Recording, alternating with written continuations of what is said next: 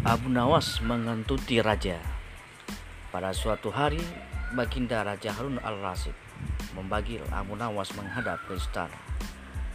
Setelah Abu Nawas tiba di istana dengan tersenyum, Baginda Raja menyambutnya dan kemudian berkata kepada Abu Nawas, "Wahai Abu Nawas, akhir-akhir ini perutku sering sakit.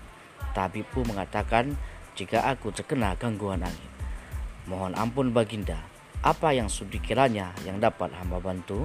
Tanya Abu Nawas kepada Baginda Raja. Baginda lalu menjawab, Aku menginginkan agar kamu dapat menangkap angin untuk dipenjarakan, karena ia telah berani menggangguku, dan aku memberimu waktu selama tiga hari untuk membawa angin kepadaku. Kata Baginda kepada Abu Nawas.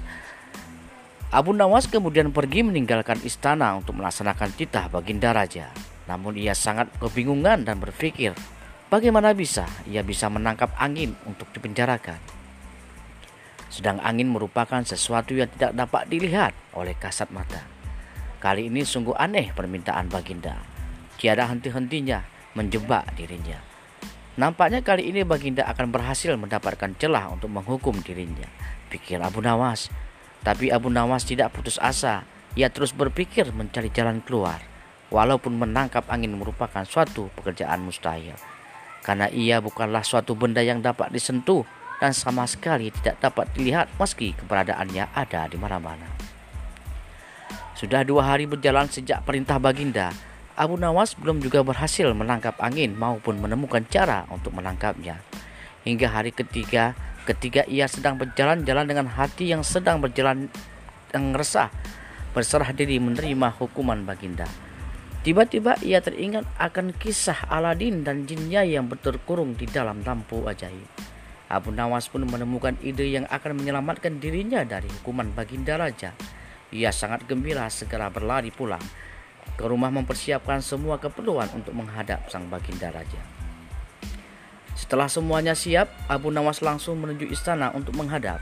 Di sana Baginda Raja telah menunggu ingin melihat hasil kerjanya Baginda Raja langsung bertanya kepada Abu Nawas, Wahai Abu Nawas, sudahkah engkau melaksanakan perintahku untuk menangkap dan memenjarakan angin? Sudah Baginda Raja, jawab Abu Nawas.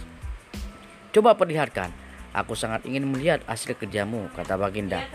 Abu Nawas kemudian menyerahkan sebuah botol kaca yang tertutup kepada Baginda Raja. Setelah menerima botol tersebut, Baginda kemudian bertanya pada Abu Nawas, "Di mana angin itu?" Aku tidak melihat apa-apa di dalam sini, berkata Nawas. Ampun yang mulia Baginda Raja, angin tidaklah dapat dilihat dengan mata. Tetapi jika tuanku Baginda ingin mengetahui keberadaannya, maka bukalah penutup botol itu. Tanpa berpikir panjang, Baginda Raja langsung membuka penutup botol itu. Dan tiba-tiba ia mencium bau busuk yang keluar dari botol tersebut. Dengan nada yang marah, Baginda bertanya kepada Abu Nawas, Hai Abu Nawas, bau apa yang keluar dari sini? Dengan ketakutan kemudian Abu Nawas menjawab, Mohon ampun baginda raja. Tadi hamba juga mengalami gangguan angin pada perut hamba dan dan ketika ia hendak keluar, maka langsung memasukkannya ke dalam botol agar tidak melarikan diri. Maka hamba segera memenjarakannya dengan menyumbat mulut botol itu untuk menutupnya.